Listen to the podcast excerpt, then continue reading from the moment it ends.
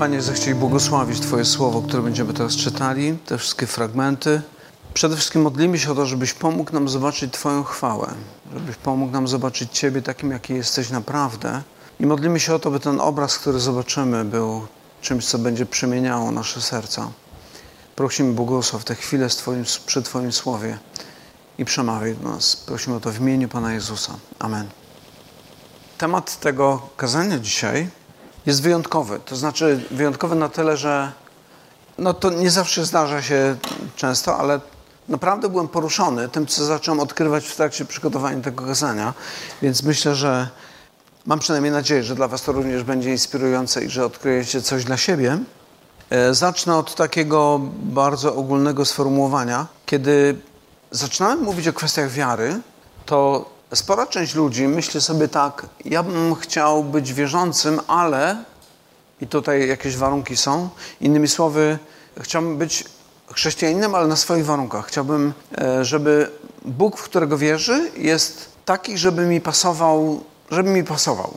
I problem z takim obrazem polegał na tym, że po pierwsze tworzymy sobie Boga na swoje własne podobieństwo, a po drugie, zauważcie, że to jest Bóg, który nie będzie pod żadnym względem wyzwaniem dla nas. Bo jeżeli to będzie Bóg na nasz obraz, na nasze podobieństwo, to jakby niczym nas nie zaskoczy. Wszystko, co zrobi, wszystko, co powie, będzie jakby zgodne z, nas, z naszymi oczekiwaniami. I myślę, że to jest taka ślepa uliczka, która prowadzi donikąd i jedynym, co może nas uchronić przed taką sytuacją, że zaczniemy tworzyć sobie swojego własnego Boga, jest właśnie wracanie do Pisma. Cały czas wracamy do Pisma, żeby zobaczyć, co Pismo mówi na temat tego, jaki Bóg naprawdę jest. Wiecie o tym, że nazwa naszego zboru egze pochodzi od słowa egzegeza, czyli chcemy zanurkować w Biblii, wybadać, co tam jest powiedziane, przestudiować dokładnie, by na podstawie pisma budować naszą wiarę. Więc to chciałbym, żebyśmy robili. Ale teraz tak, od pewnego czasu mówimy na temat wiary, mówi, przepraszam, mówimy na temat serca. Błyskawiczne przypomnienie, mówiliśmy o tym, że nasze serce lgnie do tego, co kocha, i mówiliśmy o tym, że ta nasza miłość naszego serca powoduje, że postrzeganie potem świata, Boga, innych ludzi, nas samych jest wykoślawione, jest wykrzywione, ponieważ miłości naszego serca każą nam gdzieś tam patrzeć inaczej. I to był pierwszy temat, o którym mówiliśmy. Potem mówiliśmy o tym, że Bóg ma upodobanie w sercu pokornym. I do tego, żeby serce było pokorne, potrzebna jest karność i dyscyplina. Troszkę mówiliśmy o tym szczególnie w kontekście dzieci. Po trzecie, mówiliśmy o sercu Boga. Więc dalej o sercu, ale tym razem o sercu Boga. O Boga, który jest jak dobry ojciec. Który jest dobrym ojcem tak naprawdę. W liście do Efezjan apostoł Paweł nawet pisze, że od Niego wszelkie ojcostwo na niebie i na ziemi bierze swoje imię bo On jest dobrym Ojcem. I teraz w zależności od tego, czy mamy prawdziwy obraz Boga, czyli On naprawdę jest dobrym Ojcem i tak Go postrzegamy, czy jest jakimś innym, to wtedy no, ma to ogromny wpływ na całe nasze życie. I też mówiliśmy o tym, że najlepszym obrazem tego, jaki jest Bóg, jest sam Jezus Chrystus. I kiedy chcemy dowiedzieć się, jaki jest Bóg, musimy przyjrzeć się Jemu, co też dzisiaj troszeczkę też będziemy robili. I czwarty temat, e, który mówiliśmy ostatnio, to mówiliśmy o grzechu, który prowadzi do zatwardziałości serca, na przykładzie Faraona, i ja wiem, że to jest temat kontrowersyjny w liście do Rzymian apostołowy w dziewiątym rozdziale mówi sporo takich rzeczy dosyć trudnych, ale myślę, że, że to działa w dwie strony. To znaczy chodzi mi o ten fragment, gdzie czytamy o tym, że Bóg zatwardził serce Faraona, a potem czytamy, że Faraon zatwardził swoje serce. Myślę, że jedno i drugie jest prawdziwe, ale już o tym mówiliśmy, więc w razie czego zapraszam do odsłuchania kazania z poprzedniego tygodnia, czy to sprzed dwóch tygodni. Tak, dzisiaj chciałbym powiedzieć o tym, jak zatroszczyć się o własne serce. Nie powiemy wszystkiego, bo to jest temat rzeka i tutaj można byłoby parę książek pewnie na ten temat napisać. Zacznę od zagadki. Jakie słowa Jezusa wiemy na pewno, że pochodzą od Niego, ale nie ma ich w Ewangelii? Tak, dzieje apostolskie, 20 rozdział, to jest ten fragment, gdzie apostoł Paweł mówi, w tym pokazałem wam że bardziej błogosławioną rzeczą jest dawać, aniżeli brać. I powołuje się na słowa Jezusa, na, na Jezusa jako autora tych słów. I to generalnie, tak bym powiedział, że to jest generalnie temat tego dzisiejszego kazania. Bardziej błogosławioną rzeczą jest dawać, aniżeli brać. I ktoś by powiedział, no tak, to taki ulubiony temat pastorów, ale to prawda nie jest taka. Każdy pastor, jak ma cośkolwiek mówić o dawaniu, to ma ściśnięty żołądek, więc ja trochę mam, ale już mi przeszło od wczoraj, więc jest okej. To zdanie, które Pan Jezus to wypowiada, jest takie bardzo nieintuicyjne. To znaczy, kiedy myślimy sobie o tym, no co, no chyba lepiej jak dostaje niż jak oddaje. Ale właśnie Pan Jezus, który jest Bogiem, który jest stworzycielem tego świata, mówi, a właśnie, że nie. Bardziej błogosławioną rzeczą jest dawać, aniżeli brać. I teraz, kiedy damy sobie chwilę czasu, żeby pomyśleć nad znaczeniem tych słów i poszukać jakichś ilustracji, co mogłoby zilustrować taką, taki dziwny obraz, to myślę, że sugestię już widzieliście wcześniej tego człowieka, który tam ziarnenka jakieś wsypywał do ziemi. To myślę, że to jest właśnie najlepszy obraz. Co więcej, jest to obraz, który pojawia się w Ewangeliach i w listach apostolskich. Obraz rolnika, który chce mieć plony. I kiedy chce mieć plony, to nie może zjeść całego ziarna, które ma. Część tego ziarna musi oddać bo jeżeli nie odda, to po prostu umrze z głodu w następnym roku. Zje wszystko w tym i, i będzie koniec. Któregoś razu rozmawiałem z takim człowiekiem, który pracował wśród Cyganów na Ukrainie i mówi, że no tam taka dość trudna sytuacja jest z tymi Cyganami, ale próbowali ich nauczyć uprawiania roli. Oni to głównie by tam podróżowali i tam robili różne rzeczy, ale jak już się nawrócili, to próbowali ich nauczyć takiego ży życia osiadłego. No to stwierdzili, dobra, to pokażemy jak się sadzi kartofle. Nie? No to przywieźli im tam jakieś kartofle, mówią, część z tych kartofli y, możecie zjeść, ale jakaś tam część musi zostać, bo z nich będziemy sadzić i potem będą w przyszłym roku kolejne kartofle. Nie? Znaczy za jakiś tam czas będą ko ko kolejne kartofle czy ziemniaki. No i przychodzi ten okres, kiedy już należało się zająć tym sadzeniem yy, tych kartofli czy ziemniaków i oni mówią, no gdzie macie te kartofle? No nie mamy, zjedliśmy. I tyle było z nauki e, gospodarowania. I wyobraźcie sobie teraz taką sytuację, że dzisiaj mamy łatwo. Dzisiaj, kiedy skończyły ci się w domu ziemniaki, to idziesz do sklepu i kupujesz. I tyle. Nie?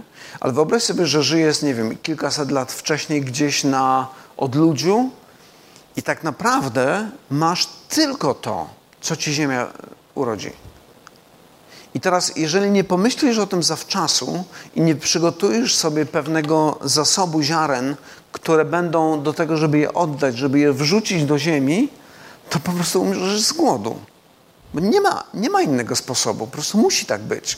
I, I to, że dzisiaj mamy w sklepach taki dobrobyt, no to jest związane z tym, że ktoś planuje jakoś obsiewanie pól, przygotowanie jakichś innych sadzonek, które też wymagają mądrego podejścia i planowania.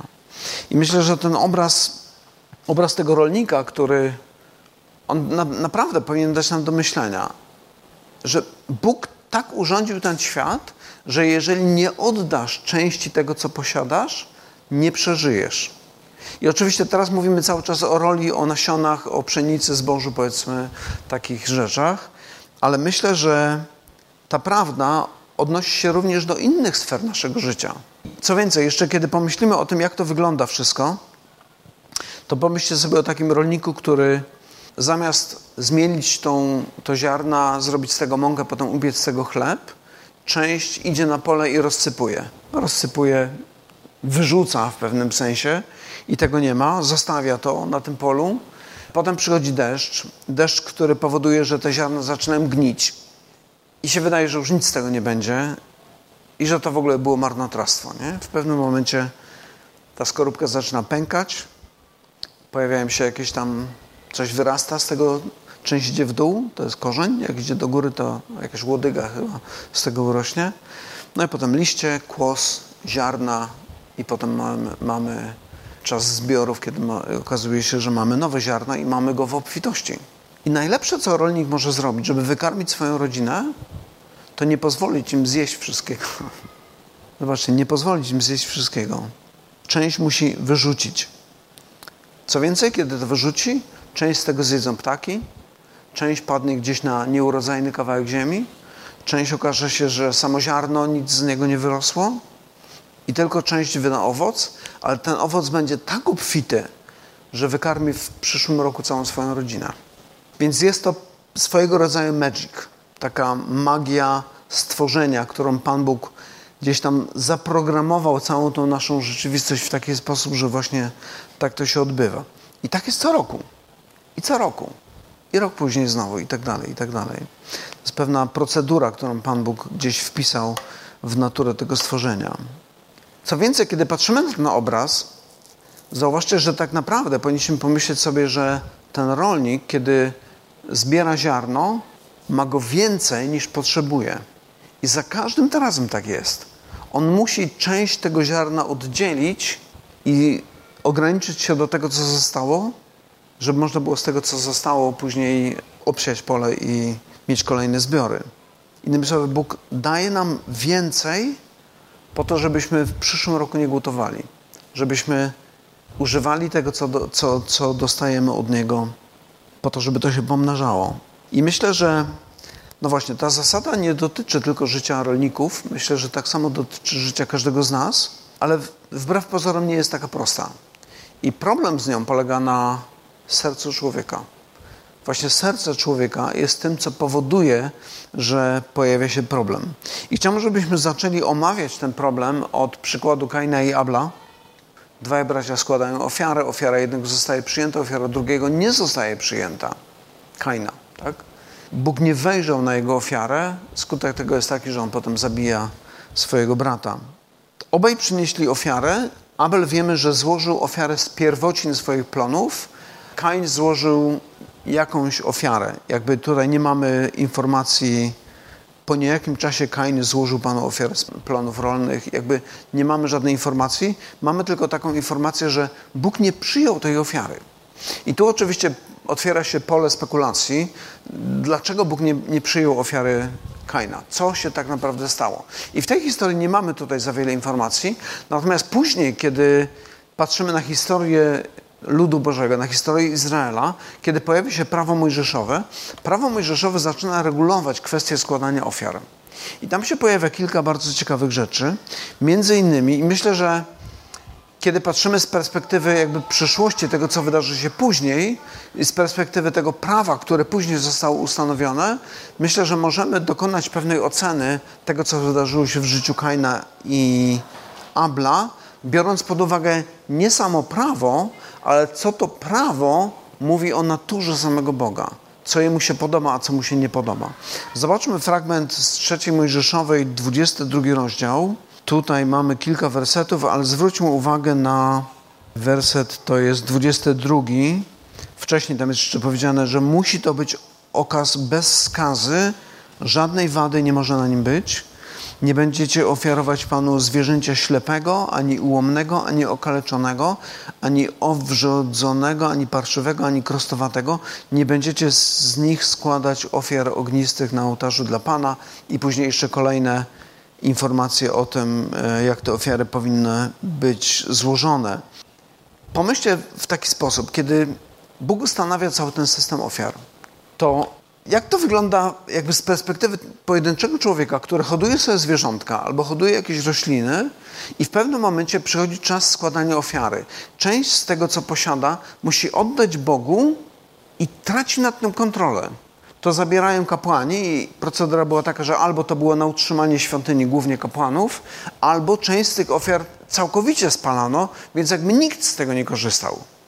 I teraz ten człowiek, kiedy myśli sobie, dobra, mam złożyć ofiarę, to co mam złożyć na tą ofiarę, żeby jakby tutaj najbardziej ekonomicznie to wyszło? No to co składano? No składano to, co jest chore, ślepe, kulawe, pokryte jakimiś krostami, parszywe, e, okaleczone, czyli jakby to, co nie daje nadziei na to, żeby mieć jeszcze więcej, jeszcze lepszego potomstwa w tych zwierzętach, powiedzmy, to dobra, to oddamy, to będziemy mieli z głowy. A Bóg mówi: Nie, nie róbcie tak, nie przyjmę takiej ofiary. To mi się nie będzie podobało. To będzie ofiara, która, która nie, będzie, nie będzie przyjęta. Prorok Malachiasz w pewnym momencie mówi do Izraelitów takie słowa: Gdy przynosicie na ofiarę to, co ślepe, czy nie ma w tym nic złego? Gdy ofiarujecie to, co kulawe i chore, czy nie ma w tym nic złego?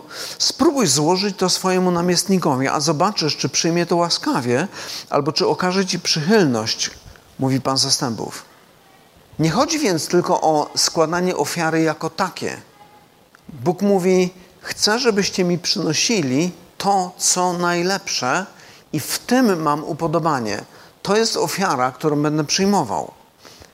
Powiedzielibyśmy, jakby cytując fragmenty z poprzedniego kazania, że to, co Bogu się podoba, to jest duch skruszony albo serce pokorne.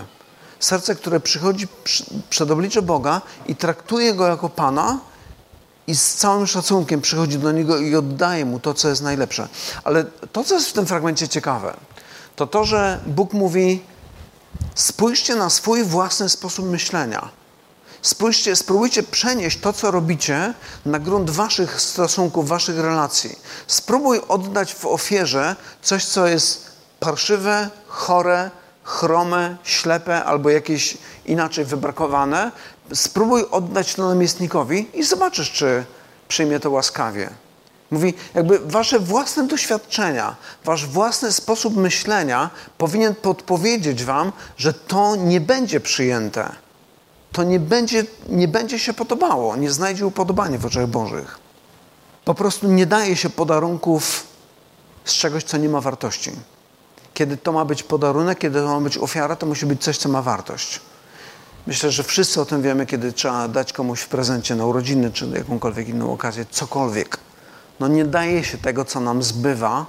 No niektórzy może tak robią, nie wiem, nie spotkałem się, ale na pewno nie będzie to dobrze przyjęte. I zobaczcie, my wiemy o tym. My wiemy o tym. I chodzi mi o to, że zostaliśmy przez Boga tak stworzeni, że my wiemy o tym, ale my zostaliśmy stworzeni na Jego obraz i podobieństwo. A teraz Bóg oczekuje od nas tego, że kiedy będziemy dawali, damy to, co najlepsze. I teraz pytanie najciekawsze, które tutaj w tym kontekście można byłoby zadać, to jest takie, co nam to mówi o Bogu, który który tak nas stwarza na swój obraz i swoje podobieństwo, że my uważamy to za coś poniżającego, kiedy mielibyśmy przyjąć ofiarę, która jest no, z czegoś, co jest nam zbyteczne, co jest okaleczone, popsute, uszkodzone, co nie działa. Jeżeli Bogu podoba się ofiarne darowanie, chętne darowanie, darowanie ofiarowanie z całego serca najlepszego, co można pomyśleć, to co nam to mówi o Bogu? Myślę, że właśnie to, że On jest taki. Że kiedy Bóg daje, daje to, co najlepsze. Daje hojnie, daje w obfitości, daje wszystko, czego potrzebuje człowiek. I teraz, no gdzie to możemy zobaczyć? Pierwsza odpowiedź jest jaka? Oczywiście w Panu Jezusie, w życiu Pana Jezusa. I kiedy patrzymy na Jego życie, Zobaczmy, jaką postawę widzimy, co widzimy. Jezusa, w postawie Jezusa, który jest obrazem Boga, który sam o sobie mówi: Ojciec, który jest we mnie, wykonuje dzieła moje. Albo mówi: Nie może syn sam od ciebie nic czynić, tylko to, co widzi ojciec. Więc kiedy patrzymy na Jezusa, widzimy Ojca. Więc pytanie czy w życiu Jezusa zobaczymy to, o czym mówiliśmy. Boga, który ma upodobanie w hojnej ofiarności i w ofiarowaniu tego, co najlepsze. Kiedy patrzymy na Jezusa, co widzimy? Widzimy tego, który kiedy oddaje, oddaje wszystko. Oddaje całego siebie, żeby nas ratować. On nie jest jakimś zajętym nauczycielem żydowskim, który wyskrobał parę godzin dla nas, żeby nas czegoś pouczyć. On jest tym, który oddaje samego siebie całkowicie. Kiedy był ukrzyżowany, mówi takie słowa w Ewangelii Łukasza. Mamy ten fragment. Jezus mówi w pewnym momencie: Ojcze, odpuść im, bo nie wiedzą, co czynią. Zobaczcie, jego wrogowie, ci, którzy występują przeciwko niemu, on mówi: Ojcze, odpuść im, bo nie wiedzą, co czynią.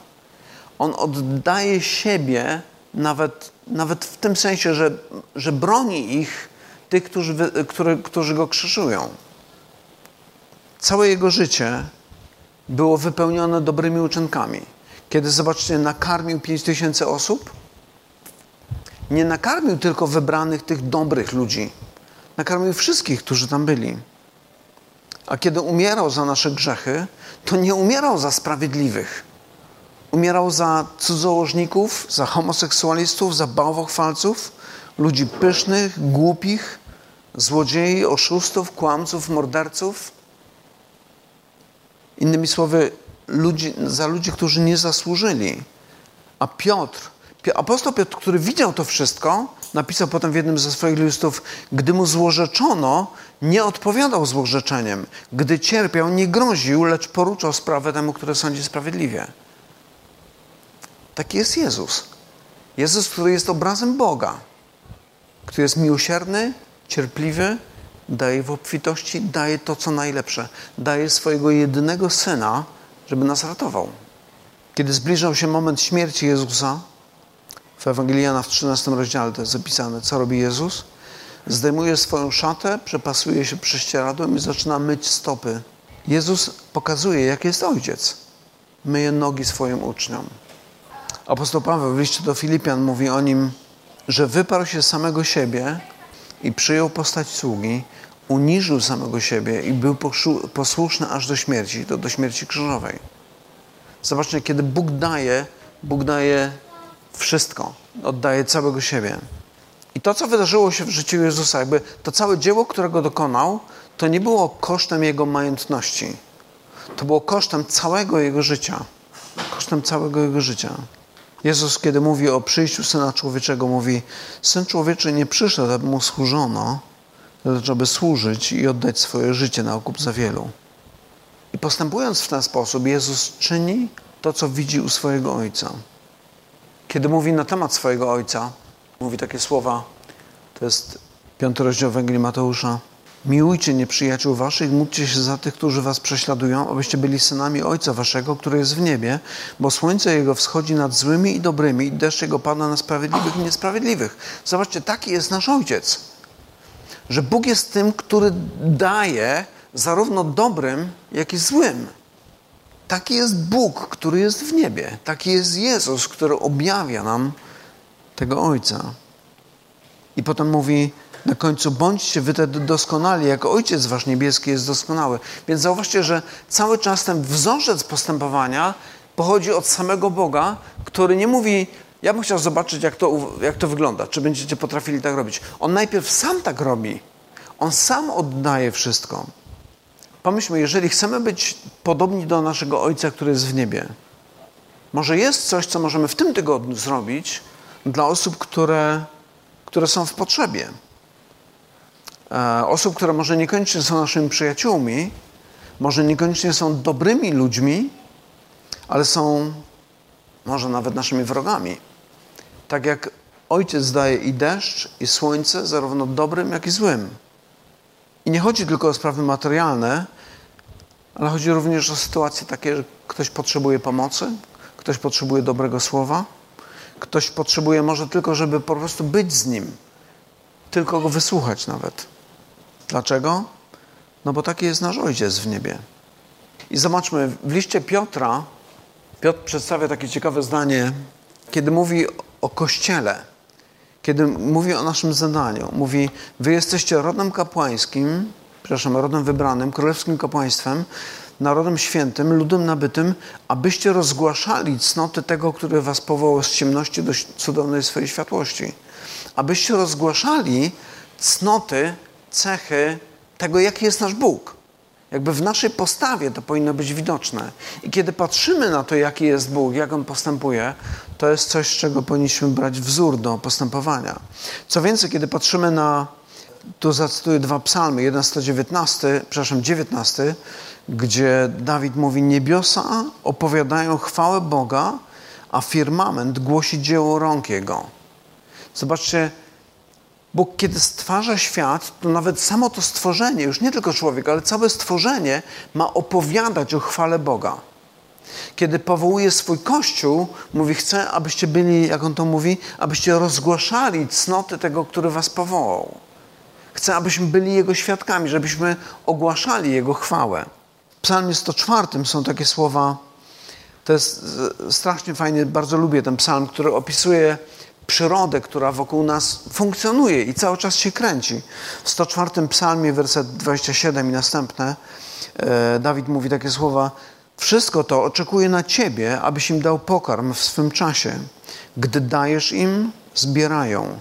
Gdy otwierasz rękę swoją, nasycają się dobrem, lecz gdy zakryjesz swoją twarz, trwożą się, gdy zabierasz im tchnienie, giną i w proch się obracają. Wydajesz tchnienie swoje, a stworzone bywają i odnawiasz oblicze ziemi. Zobaczcie, że Bóg przedstawiony jest w tym psalmie jako ten, który cały czas daje i daje, nie tylko stworzył, zapomniał i zajął się swoimi sprawami, ale cały czas daje swojemu stworzeniu, żeby ono mogło funkcjonować, ciągle na nowo się odradzać, żeby ten świat mógł funkcjonować. Nasz Bóg taki właśnie jest. Jeżeli nasz Bóg taki właśnie jest i stwarza nas na swój obraz, swoje podobieństwo, potem czyni z nas Kościół, to nic dziwnego, że chce, żebyśmy tak samo postępowali jak On, po to, żeby ogłaszać Jego chwałę, pokazywać światu, że On jest dobrym Bogiem.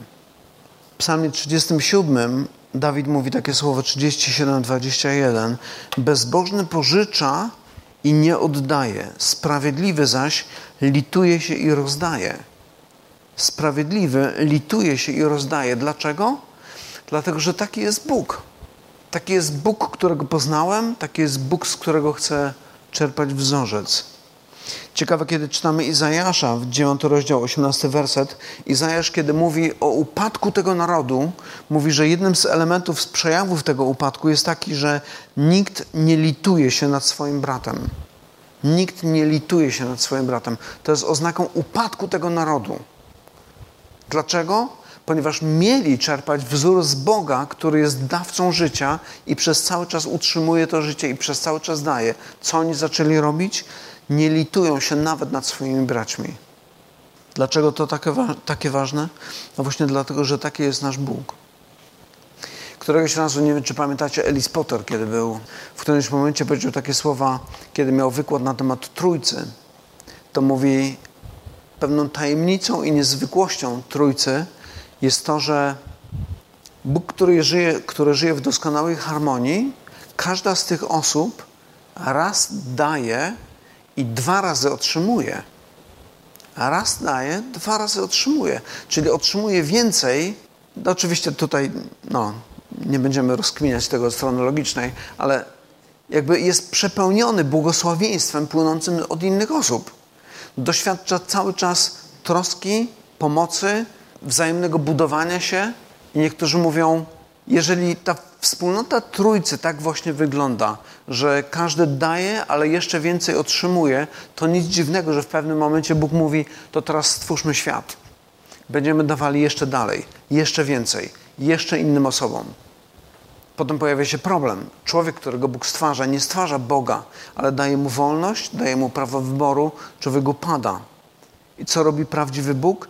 To, co robił przez całą wieczność. Daje, daje samego siebie, poświęca siebie do końca, żeby ratować tego człowieka, co więcej po to, żeby uczynić go domownikiem swoim, żeby włączyć go do swojej rodziny. List do Efezjan jest po prostu tajemniczy pod tym względem, co Bóg czyni, ale tak właśnie postępuje Bóg który jest prawdziwym Bogiem. Jest Bogiem, który daje. I z tego powodu ludzie, którzy myślą przede wszystkim o sobie, nie mogą się podobać Bogu. Ponieważ ich życie, ich sposób myślenia, sposób bicia ich serca, bym powiedział, jest zupełnie zaprzeczeniem tego, co znajdujemy w naturze samego Boga. Bardzo ciekawe zdanie pojawia się e, w przypowieściach Salomona. Salomon mówi takie proste słowa. Waga fałszywa jest ohydą dla Pana, lecz pełne odważniki podobają mu się. Waga fałszywa jest ohydą dla Pana, lecz pełne odważniki podobają mu się. Jeżeli hojne dawanie jest cechą Boga, to zabieranie innym jest ohydą w oczach Boga. Jest czymś, co jest wstrętne, jest odrażające, jest obrzydliwe. I najciekawsze jest to, że Salomon używa tutaj słowa przetłumaczonego jako ohyda ochyda w znaczeniu właśnie coś, co jest wstrętne, odrażające, obrzydliwe. I ciekawe jest to, że kiedy patrzymy, jak to słowo jest używane w Starym Testamencie, to to słowo zasadnicze jest używane w dwóch kontekstach. Pierwszy to są odrażające pogańskie praktyki związane z bałwochwalstwem i drugi to są opisanie, na opisanie grzechów natury seksualnej w najgorszej możliwej postaci, typu zoofilia, kazirodztwo i, i tego typu jakieś skrzywienia. Teraz przechodzimy do, do przypowieści Salomona. I Salomon mówi o czymś, o czym wcześniej nikt w ten sposób nie mówił.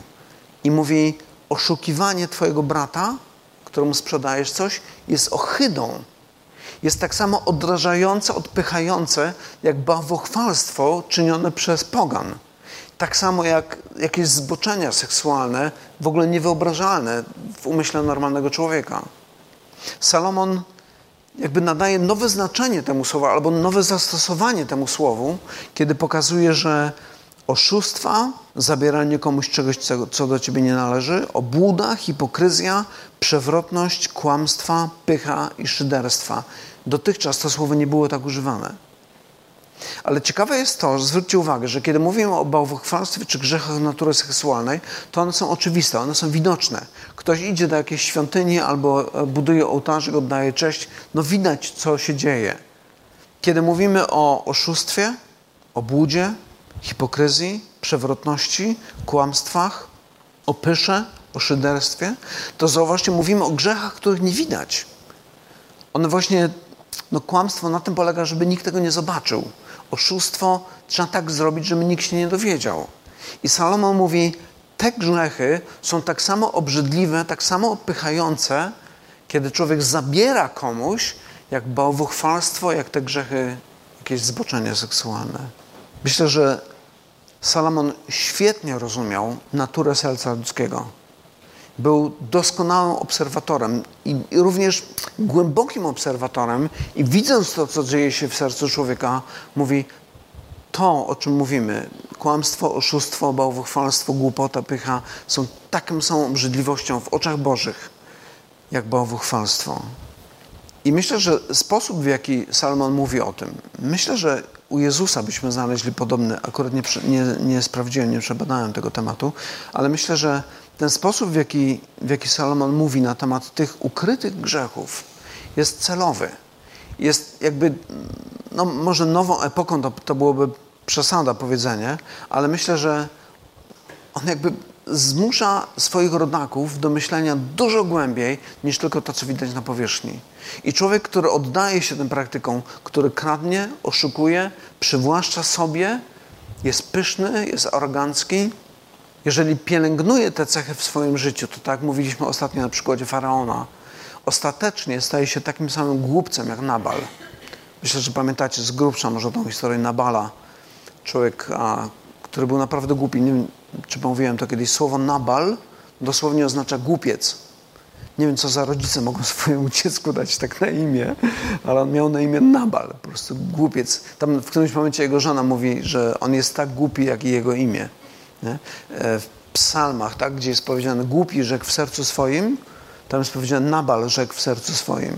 Nie? To po prostu jest takie znaczenie tego słowa. Ale człowiek, Nabal właśnie był takim człowiekiem. Był człowiekiem chciwym w momencie, kiedy Dawid miał ogromną potrzebę nakarmienia swoich żołnierzy, kiedy w którymś momencie gdzieś uciekali, przychodzi do niego, oni mają wszystkiego w brud. To był akurat okres, kiedy mieli jedzenia pod dostatkiem, mogli ich ugościć. Nie dali im nic. Dlaczego? Dlatego że Nabal tak, jego serce obrosło w taki tłuszcz, już nic go nie ruszało. Był egocentrykiem, egoistą, człowiekiem, który myślał tylko o sobie. Zupełna odwrotność tego, jaki jest Bóg. I w pewnym momencie Bóg mówi dosyć. I Nabal umiera. Myślę, że Nabal jest takim przykładem tego człowieka, który w Ewangeliach potem się pojawia, który mu pole obfity plon przyniosło, on zastanawia się, co zrobić, buduje dodatkowe stodoły, a w którymś momencie Bóg do niego mówi, głupcze, tej nocy zażądają duszy Twojej, a to, co przygotowałeś, czyjeż będzie? Głupcze, na balu, można powiedzieć po hebrajsku, tak? Czyje to będzie? Co robić, żeby chronić się przed taką postawą, takiego nabala, takiej ścieżki przekleństwa, do, na którą wszedł Nabal, na którą wszedł też notabene Faraon. Myślę, że przede wszystkim musimy patrzeć na Syna Bożego. Patrzeć na to, jaki jest nasz Bóg. Jaki jest ten, który nas stworzył na swój obraz i podobieństwo. I kiedy patrzymy nie tylko na to, co On nam każe robić, ale na to, co On sam robi, kiedy patrzymy, jak troszczy się o ten świat, jak troszczy się o zwierzęta, jak troszczy się o ludzi, jak posyła swojego syna na, na to, żeby go rozszarpano prawie, że te bicze, które były stosowane wtedy, były naprawdę czymś strasznym. Jego ciało było w strzępach, można powiedzieć. Ale on jakby oddaje siebie, rozdaje siebie po to, żeby nas ubłogosławić. I kiedy patrzymy na to, to zobaczcie, kiedy, kiedy zdamy sobie sprawę, że, że to nie jest jakiś zwyczajny akt okrucieństwa, to jest poświęcenie się Syna Bożego, który oddaje swoje życie, żeby nas ratować i żeby nas włączyć do swojej rodziny.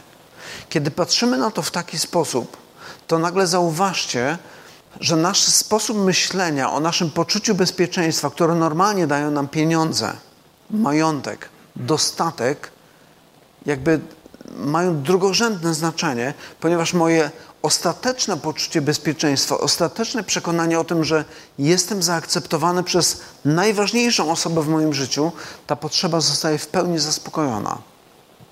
Teraz majątek może służyć w jakikolwiek sposób Bóg tego oczekuje. A czego oczekuje? No właśnie myślę, że to, o czym mówiliśmy przez cały czas tutaj, Bóg jest tym, który daje i również nas powołuje do tego, by dawać, by dzielić się tym, co posiadamy. Ponieważ On sam, będąc bogaty, stał się dla nas ubogim, abyśmy ubóstwem Jego ubogaceni zostali. Zarówno Dawid, jak i Salomon piszą takie słowa. Bezbożny pożycza, pożycza i nie oddaje. Sprawiedliwy zaś lituje się i rozdaje. Bezbożny pożycza i nie oddaje, jakby zabiera dla siebie. Sprawiedliwy lituje się i rozdaje. I kiedy patrzymy na Jezusa, myślę, że to właśnie widzimy. Zobaczmy na fragment z drugiego listu do Koryntian. Kiedy apostoł Paweł naucza na temat ofiarności, mówi takie słowa: Opowiadam wam kto sieje skąpo, skąpo też rządź będzie. A kto sieje obficie, obficie też rządź będzie. Każdy tak jak sobie postanowił w sercu swoim, nie z żalem albo z przymusu, gdyż ochotnego dawcę Bóg miłuje. Ponieważ On sam też jest ochotnym dawcą.